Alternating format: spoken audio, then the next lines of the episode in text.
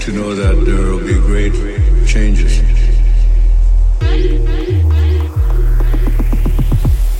It's not negative.